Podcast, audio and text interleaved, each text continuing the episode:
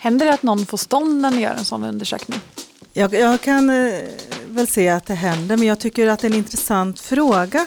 Vi frågar sällan en person med slida om den får lubrikation när, vid en undersökning, utan vi problematiserar eh, ståndet på ett annat sätt. Sex på arbetstid. Sex på arbetstid. Sex på arbetstid. En podd om SRHR för dig som jobbar inom vården med Jenny Fessé och Elin Klingvall.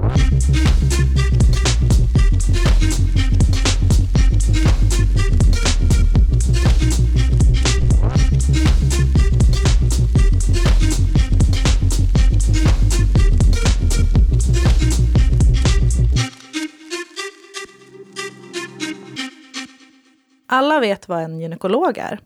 Men hur många vet egentligen vad en androlog är? Ordet andrologi kommer från grekiskan och betyder läran om mannen. Det handlar alltså om mäns sexuella och reproduktiva hälsa. Och till skillnad från gynekologi så är det ett eftersatt område. Och det har Närhälsan Kunskapscentrum för sexuell hälsa försökt ändra på och fick därför förra året Västra Götalandsregionens jämställdhetspris. De som tog emot priset var Anna Skoglund och Per-Andreas Persson. Båda är utvecklingsledare, sjuksköterskor och sexologer. Och vi har bjudit hit dem idag för att prata om penisar, testosteron och erektionssvikt. Hej Anna och Per-Andreas, välkomna hit. Hej hej! Hej! Men varför är det så få som känner till vad andrologi är? Ja, det är ju ingen egen medicinsk specialitet i Sverige och inte heller i många andra länder. Så att det finns ju inte så många med den utbildningen då, eller den inriktningen. Så därför så är det kanske inte en person som är vanlig inom hälso och sjukvården heller. Men varför har det blivit så? Jag tror att det kan finnas många förklaringsmodeller. Den eh, sexuella hälsan och reproduktiva hälsan hos kvinnor har nog genom åren varit mer tydlig eh, många gånger och den manliga sexuella och reproduktiva hälsan har inte fått vara synlig. Och det kan ju handla mycket om normer och föreställningar kring maskulinitet bland annat. Vad menar du då? Jag menar att eh, föreställningar om att mannens kropp och mannens sexuella funktioner alltid ska fungera och hela tiden. Och därför så synliggörs inte heller att det kan finnas problem eller att det finns en fysiologi som, som eh, personer också måste kunna ha kunskap kring för att också kunna veta att man kan söka och få hjälp. Och det är ju det som är en av grunderna kring att andrologi är ett dolt ämne många gånger. Så män är alltså inte helt funktionella, de har alltså inte alltid stånd eller alltid vill ha sex? Nej, precis. Utan det är ju några av de myter som finns kring manlig sexualitet. Eh, och där tänker vi att eh, vi har en stor uppgift att sprida den informationen till alla. För vi påverkas av de myter och föreställningar som finns. Ja, och eh, Kunskapscentrum för sexuell hälsa fick ju jämställdhetspriset. Så är det här anledningen till att det har med jämställdhet att göra? Jo men absolut, det är ju en, en fråga om eh, vad man satsar på inom hälso och sjukvården och vilka resurser man lägger. För det kommer ju också avgöra vad man kan söka för typ av hjälp också. Alltså, finns inte den här typen av resurser så är det ju svårt att söka det då. Om man till exempel tittar på vilka det är som uppsöker hjälp på en eh, ungdomsmottagning så är det ju en stor majoritet kvinnor eller tjejer. Och det har ju inte med att göra med att, att eh, killar inte har problem eller tankar eller funderingar kring sin sexualitet eller sitt kön och hur det ser ut och hur det fungerar och så vidare. Eh, men att det blir liksom ganska osynliggjort i ett system. Det är ett bra exempel på hur sökmönster till mottagningar påverkas av vad som man tänker att man kan få hjälp med. Och människor gör ju, som jobbar på mottagningar, alltså yrkespersoner gör ju fantastiskt eh, arbete på väldigt många olika sätt. Men man kan ju tänka sig var i sin, i sin utbildning kommer man i kontakt med temat andrologi. Det är inte många timmar, om ens det då, under kanske många år som man läser en vårdutbildning eller om man läser till socionom eller eh, och så vidare. Eh, så det är klart att det börjar ju redan, redan där då att det är ett tema som inte riktigt blir pratbart och, och så följer det ju med vidare ut i systemet för att det är klart att det man inte har kunnat få läsa om eller reflektera kring på sin utbildning, det blir ju liksom osynliggjort också ute i verksamheten sen. Ja, och konsekvensen för eh, unga män, killar, män blir ju i sin tur att den sexuella och reproduktiva hälsan osynliggörs som gör att eh, rådande normer kan fortsätta, de kan reproduceras. Eh, och det är ju någonting som inte främjar jämställdheten. Eh, att inte få vara den individ med eh, de behoven som en person har och inte kunna få hjälp med de problem som finns gör ju någonting med oss människor. Ni har ju nämnt normer några gånger nu. Vad menar ni exakt när ni pratar om normer? Man kan beskriva normer som osynliga regler som vi förhåller oss till. Eh, och normer är ju osynliga så länge ingen bryter mot dem. Och här kan man ju se att en, eh, om man ska hårdra det hela så kan vi ju se att en man som har eh, problem kopplat till eh, penis, pung, eh, eh sitt hormonella system skulle på sätt och vis kunna ses som en normbrytare eftersom den sexuella hälsan hos män är osynliggjord vanligtvis. Eh, så här kan vi se att att eh, det är normbrytande att vara en man som också har kunskap kring och också söker för sin sexuella hälsa. Vad söker män hjälp för när det gäller sexuell hälsa? Ja, det är ju de här stora vanliga sakerna och det är ju till exempel eh, erektionssvikt är ju väldigt vanligt. Tidig utlösning är väldigt vanligt. Eh, men också eh, att man har besvär med att komma överhuvudtaget och få utlösning. Det kan vara att det inte kommer någon sädesvätska eh, vid utlösning. Men som sagt var också hur könet ser ut helt enkelt. Ja, och jag tycker också att, eh, alltså att män har börjat söka något mer också för lustproblematik. Tidigare har det, har det kanske funnits föreställningar om att då det finns ett stånd så finns det självklarheten lust. Eh, och att kunna se att, att det inte behöver hänga ihop eh, är också en frågeställning som kan komma. Sen tänker jag det här också kopplat till den psykiska hälsan. När personer söker på grund av psykisk ohälsa och det också kan visa sig att det faktiskt beror på att det finns brist på eh, nödvändiga hormoner eller liknande som påverkar. För en testosteronbrist kan skapa allvarliga sjukdomar. Ja, precis. Och både psykiskt och fysiskt på, på sikt. Att det blir ett slitage i kroppen att ha en brist på ett ämne, kan man kalla, säga lite förenklat. Men som man kommer till er och har alla de här problemen, vad, vad får man för hjälp? Ja, men då får man ju sätta sig ner och titta på vad som är problemet. Och ofta så kan det ju ligga andra saker liksom gömda i frågeställningen att man kommer för en sak men så visar det sig också att det finns andra saker också som man behöver titta på. Man kanske har funderat på att könet ser ut på ett visst sätt men i den frågan så ligger det ju också andra saker som kanske har med en relation att göra i övrigt och samtal man har haft med sin partner. Och, så att det, det kan vara liksom eh, det kan poppa upp fler saker när man väl börjar att prata om kön och sexualitet. Men eh, beroende på vad man hittar så, så blir det ju en liten utredning då helt enkelt. Man ser ju naturligtvis på den generella hälsan, hur man mår och tar vanliga prover som man brukar göra, en vanlig hälsokoll.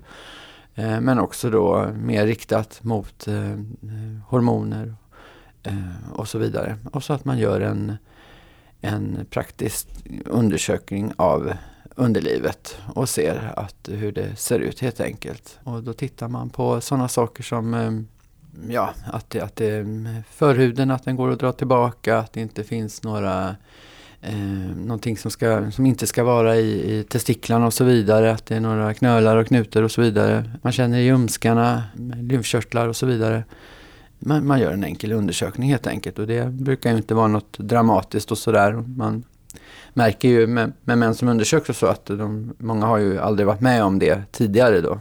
Så att, men det brukar gå fint. Händer det att någon får stånd när ni gör en sån undersökning?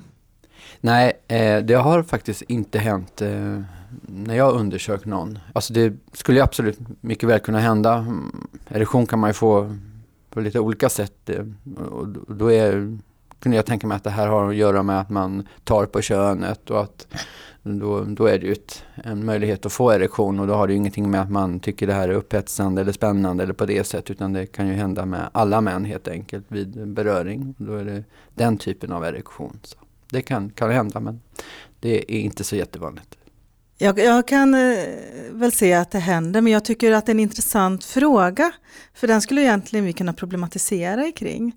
Vi frågar sällan en person med slida om den får lubrikation när, vid en undersökning, utan vi problematiserar eh, ståndet på ett annat sätt.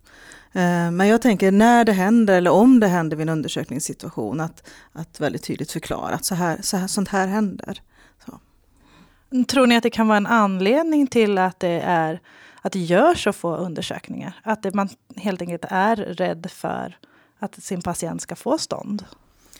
Jag tror att det är en av anledningarna, eh, det här att göra mannen till eh, Eh, förövare. Alltså även om inte det är en förövarsituation i sig, men att, att, att se en sån här situation som problematisk tror jag är en av förklaringarna. Men sen tror jag som Per Andreas också var inne på, kunskapen är låg eh, och det saknas rutiner. Många vet inte hur en undersökning ska göras eller ah, vikten av att en undersökning görs. Nu hängde inte jag med. Hur menar du med mannen som Nej, förövare? men jag tänker så här att, att, vi har lätt att, att demonisera män på en generell nivå. Och det, det, I andra sammanhang kan det kanske finnas förklaringar till det. Men jag tänker i en undersökningssituation så är ju ändå alltid personen som söker är ju i ett utsatt läge. Vi har en maktsituation i ett, i ett behandlingsrum som vi inte får Eh, förringa tycker jag.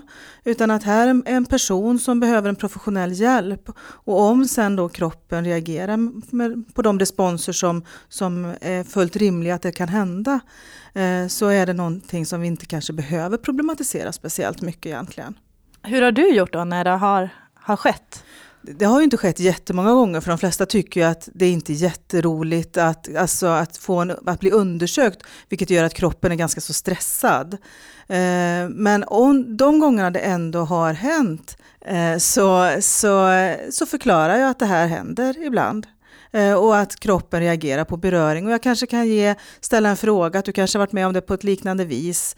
Alltså när någonting vibrerar eller skakar eller så, så kan kroppen göra ett stånd eller det här att kroppen har den här funktionen, den här förmågan.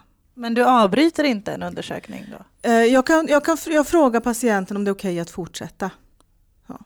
Eh, okay. Men bara för att förtydliga. Eh, om man kommer till er eller någon annan med en, en andrologisk frågeställning, vilken typ av behandling kan man förväntas få? Det kan ju dels vara så att man behöver prata om det här och då är det ju eh, först och främst en terapeut man får träffa. Eh, det kan ju också vara så att man behöver en medicinsk behandling. En läkare skriver ut ett läkemedel, en tablett eller en injektion som man kanske tar i svällkropparna i penis om man har, till exempel har en erektionssvikt. Det kan också vara så att man behöver eh, tekniska hjälpmedel för att få sexualiteten att fungera igen. Om det är det man har sökt eh, hjälp för. Och ibland kan det ju vara faktiskt eh, alla tre områdena som man behöver insatser. Så ofta jobbar man ju flera yrkespersoner för att och hjälpa patienten då.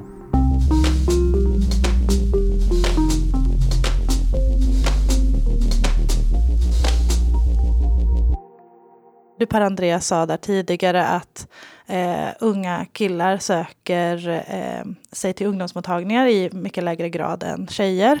Hur ser det ut övrigt eh, med mäns liksom, vårdsökningsmönster gällande de här frågorna? Ja, jag kan tänka mig att många söker via en vårdcentral och det är ju rätt väg att gå då. Eh, sen finns det ju privata alternativ också om man skulle vilja betala för det. Men man ska ju kunna söka inom primärvården för den här typen av besvär. Och eh, om man inte kan få hjälp på vårdcentralen då så ska det ju sändas en remiss vidare i systemet till en person som kan hjälpa till. Så alla inom primärvården borde kunna göra en sån här undersökning? Ja, det utgår jag egentligen från att, att eh, alla läkare kan helt enkelt. Sen hur det är med andra yrkesgrupper, det är jag lite mer osäker på. Jag har ju själv gått igenom en, en sjuksköterskeutbildning och påbyggnadsutbildning och så vidare. Och, så vidare. och det, jag har inte fått den typen utav eh, metodgenomgång under min utbildning och det misstänker jag att det är väldigt få som har fått det. Och då är det klart att eh, får man den typen av jobb senare, att man ska eh, jobba med det här, då får man ju lära sig då. Men det är ju lite anmärkningsvärt och synd att det är på det sättet. Så män söker det i lägre grad eh, och vårdpersonalen har lägre kunskap kring både undersökning och överhuvudtaget kring mäns sexuella och reproduktiva hälsa. Men vad kan det få liksom för konsekvenser? De här vanliga sakerna med erektionssvikt, eh, tidig utlösning, kan vara till exempel smärta vid samlag på grund av trång förhud och så vidare. Allt det här är egentligen saker som man kan eh, göra någonting med. Och det är klart att är man i en rela relation och har svårt att kanske prata kring de här frågorna så är det ju alltid risk att eh, relationen inte blir så bra som man önskar eller att den helt enkelt inte fungerar. Att relationen går upplösning och att man går skilda vägar och det är ju väldigt synd. Om det nu är, faktiskt är någonting man kan göra någonting med. Okej, men kan man säga då att konsekvenserna framförallt är på en individnivå eh, snarare än på en samhällsnivå? Ja men visst är det på individnivå men man kan ju också, också se det utifrån ett eh, större perspektiv att det får ju konsekvenser i, i samhället i övrigt också. Om eh, folk så att säga, går ifrån varandra, det får ju, kan ju få massa konsekvenser rent eh, socialt, ekonomiskt, eh, Ehm, hjälp som man behöver vidare för att eh, komma, komma vidare ut i, om det är en sjukskrivning efter en separation eller och så vidare. Och så vidare. Alltså det, det kan ju få långtgående konsekvenser ehm, och då kan man absolut se det ur ett större perspektiv. När vi pratar kring större perspektiv så pratar vi mycket kring folkhälsa. Eh, och det är ju inte rimligt att en stor del av befolkningen inte ska ha kunskap för att kunna söka och få hjäl rätt hjälp och service. Så, för det handlar ju om en, en rättighet att kunna ha den kunskapen också kunna, för att kunna få den hjälp som en har rätt till att få. Eh, och sen kan vi ju se att det handlar om att, det, att också folkhälsa, jag tänker också strukturella problem med exempelvis journalföring. Tänker jag att hur ställer vi frågor kring den sexuella hälsan? Eh, eftersom den sexuella hälsan också är en del av den allmänna hälsan. Eh, och det blir ett folkhälsoproblem när individer inte får frågor kring det. Så det går inte in i journaler då menar du? Jo, nej förlåt det var jag som var otydlig. Det jag tänker är att att de allra flesta journalsystem har kanske frågemallar. Att det här ska vi fråga en patient om när den söker. Kring ja, hur sover du, hur mår du generellt och så vidare. Men det går också att ha frågor kring den sexuella hälsan och ha det som tydliga rubriker. Så att det finns rutiner på arbetsplatsen att det här frågar vi alla våra patienter om. Det är klart att söker någon för ett sexuellt problem så är det också rimligt att perso personal ska känna en trygghet i hur vi också ställer frågor kring det. Gäller det bara män? Nej, det här gäller ju självklart alla personer. Det vi kan se är att kvinnor i större omfattning får frågor kring sexuell och reproduktiv hälsa eller åtminstone har fler eh, ställen dit eh, det kan söka för att få hjälp med den typen av frågeställningar. Men har vårdcentraler i, i första hand eller ungdomsmottagningar och det är jättebra eh, instanser men där det behöver finnas tydliga rutiner. Hur ställer vi frågor kring sexuell och reproduktiv hälsa i verksamheten? Och då tänker vi att det behöver finnas en tillåtande attityd på, inom en verksamhet eh, och en förståelse för att den sexuella hälsan är viktig. Eh, det finns bra frågemanualer att använda sig utav. Det går att eh, kontakta andra mottagningar som arbetar för att få råd och tips. Nu pratar ju du om sexuell hälsa generellt, Ja. men hur ska man bli bättre på just andrologi? Ja, andrologi, det behövs ju också kunskap. Eh, behöver kunna förstå kroppen, hur den fungerar, men också hur den hänger ihop med personens livssituation. Så, andrologi är ju mångfacetterat. Vi kan prata om eh, hormoner och kromosomer, men vi, kan också, vi behöver också prata kring eh, det allmänna måendet, relationer som vi varit inne på tidigare. Att se att allting hänger samman. Det finns ju också en del utbildningar i Sverige, både på högskolenivå och eh, kortare utbildningar. Och eh, vi på Närhälsan Kunskapscentrum för sexuell hälsa har ju eh, en endagsutbildning i eh, andrologi och påbyggnadsdagar i det här temat. Så att det går ju att utbilda sig.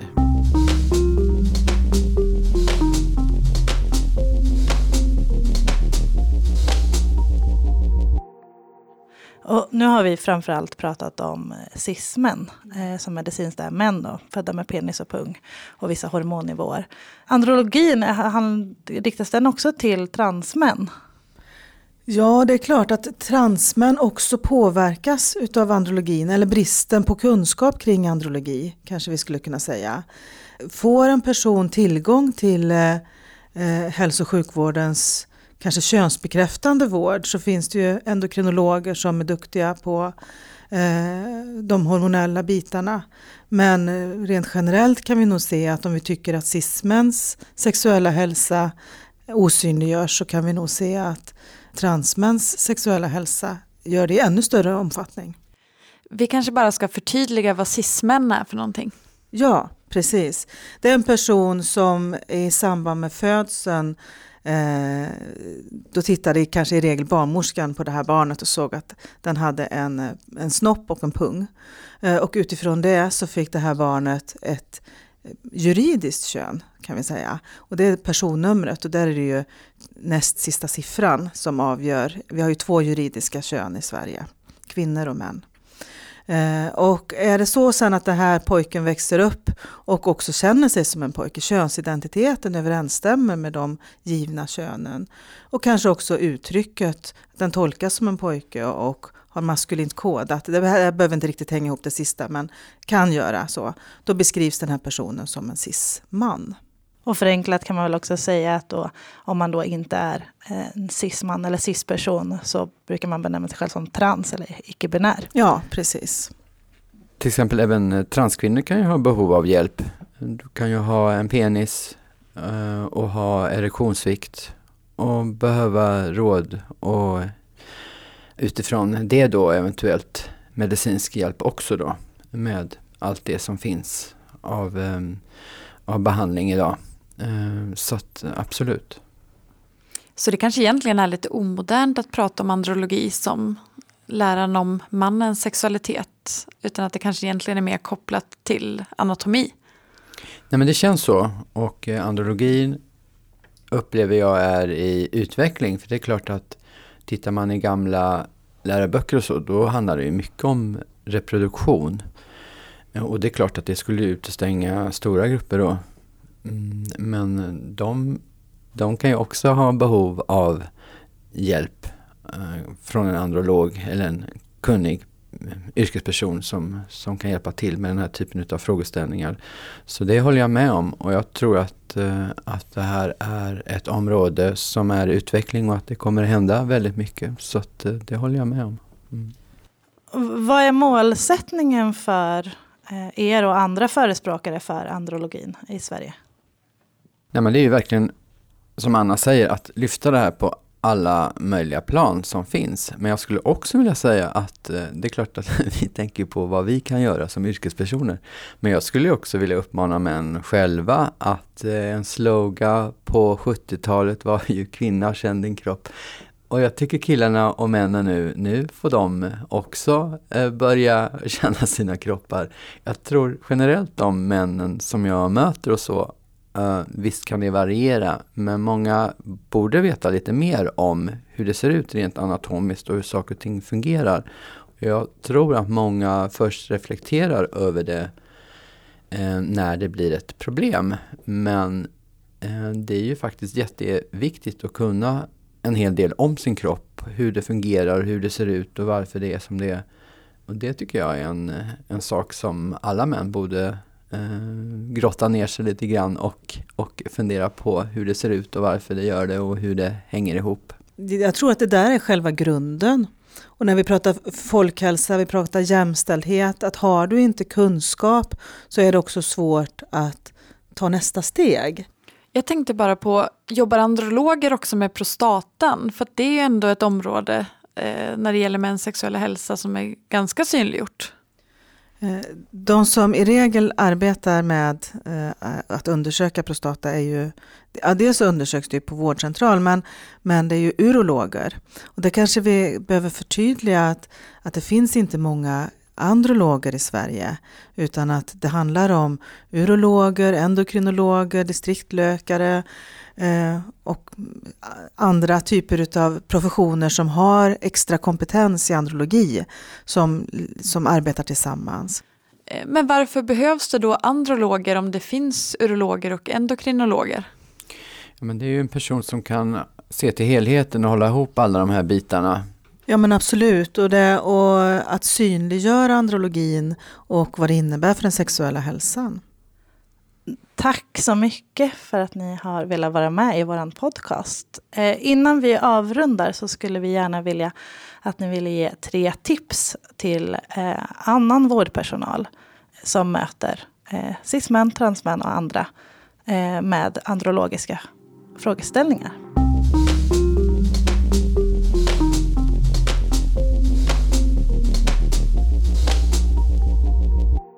Utbilda dig. Eh, grundläggande utbildningar går att få, alltså den här praktiska eh, andrologin som vi anordnar eller att hitta eh, annan typ av utbildning. Eller ha det som ett utvecklingsarbete på sin arbetsplats. Ja, att män själva börjar fundera över sin eh, sexuella hälsa, eh, anatomi, fysiologi, hur det ser ut och gärna sätta sig ner och fundera lite grann och också att man är duktig på att undersöka sig själv då. Tips två är att man som vårdpersonal gärna eh, är med och undervisar patienten vid ett besök och berättar när man undersöker vad man ser, hur det ser ut, vad som är normalt och vanligt. Så att personen får bekräftat det och också kan lära sig någonting ut, utifrån besöket. Att man får med sig någonting som man inte visste från tidigare. Ja, och ett tredje tips är att se till att ha rutiner inom er verksamhet kring hur ni ställer frågor för att synliggöra andrologi på, inom er verksamhet. Tack så jättemycket för att ni kom hit och ville vara med i Sex på arbetstid. Det var jätteroligt att prata med er, Anna Skoglund och Per-Andreas Persson från Kunskapscentrum för sexuell hälsa om andrologi. Tack så mycket för att vi fick komma. Tack.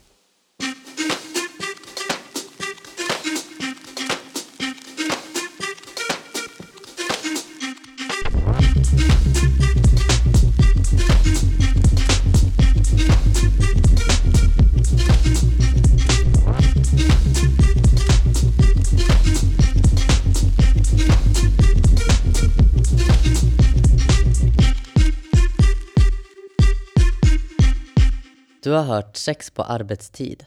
En podd av och med Jenny C, Elin Klingvall och Anna Skoglund på Närhälsan Kunskapscentrum för sexuell hälsa, en del av Västra Götalandsregionen. Podden finns på närhälsan.se ksh och srhr.se. Sex på arbetstid produceras av Malin Holgersson på uppdrag av Närhälsan Kunskapscentrum för sexuell hälsa.